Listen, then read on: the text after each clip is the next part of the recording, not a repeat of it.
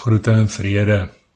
Welkom weer eens hier by die kuierplek op die vlak vir nog 'n Kalahari storie. My naam is Haie Kronje.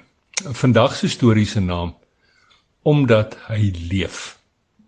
Die nuwe lewende vertalings Hebreërs 7 en dis nou die 25ste versie sê gevolglik kan hy hulle wat deur hom na God toe gaan eens en vir altyd verlos. Ja, Hy leef vir altyd om hulle saak voor God te bepleit. Eh, dit is 4 uur in die oggend. Buite is dit stil en donker en dis koud. Noonie put slaap en is rustig maar in ons huis. In ons huis gaan dit rof, baie rof. 'n Ongekende vrees vir amper alles en erge angsaanvalle maak die lewe vir die mooiste mooi moeilik baie moeilik en so ook vir my. sien kort nadat beide van ons die koronavirus opgedoen en toe daarvan herstel het, leef sy hoofsaaklik in haar eie wêreld. 'n eie droomwêreld met bepaalde realiteite wat net sy kan sien en hoor en ervaar. En die koronapandemie plus alles wat daarmee saamgaan het behoorlike onooglike merk op haar menswees kom los. Bloot net omrede haar emosionele vaardighede en vermoëns disfunksioneel geraak het. En so sit sy reeds vanaf 1uur af die oggend en wieg stadig op die maat van haar eie ingeboude metronoom. Heen en weer tot vervelings toe, heen en weer. Heen en weer.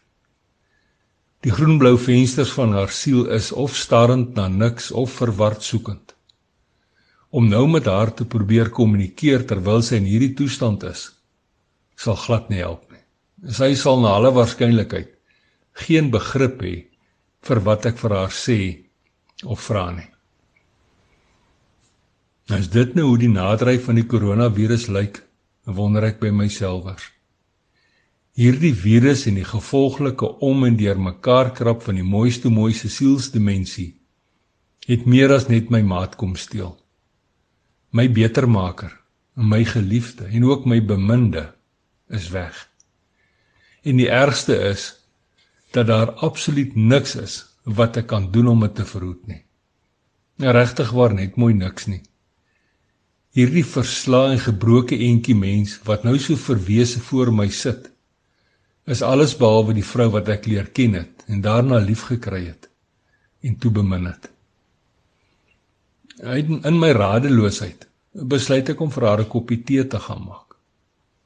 So rukkie later tussen die angs en die vrees se skerp snykante as ook die belewenis van haar droomwêreld wat gekenmerk word deur paranoïese opmerkings en onsamehangende stellings het sy haar tee begin drink.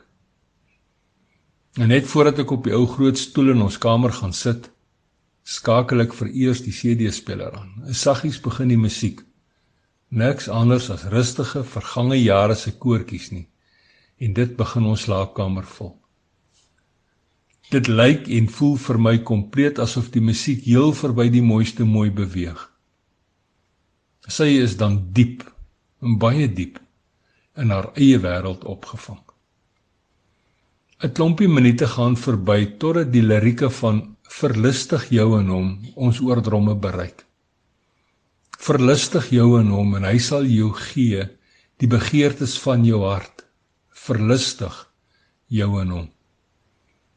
Sukkel sukkel begin sy saam sing.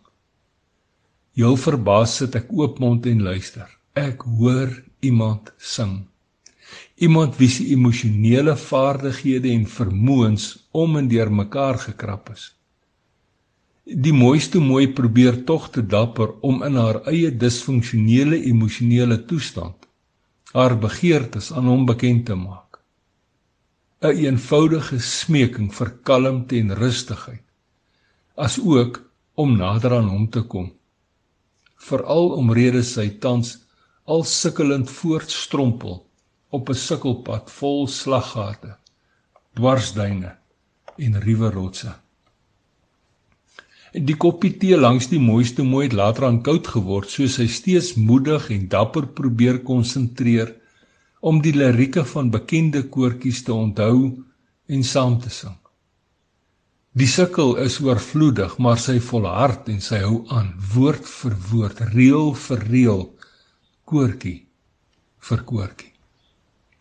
Groot trane begin later aan oor my wange spoel.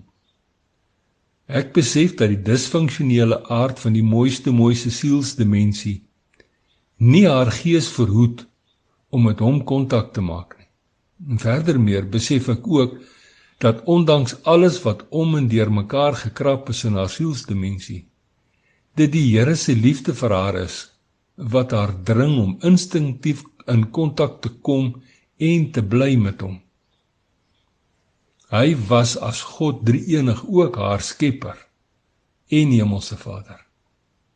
Met hierdie gedagtes vars in my gemoed omvou 'n onbeskryfbare kalmte die mooiste mooiste se miswolk en dadelik is sy heel rustig.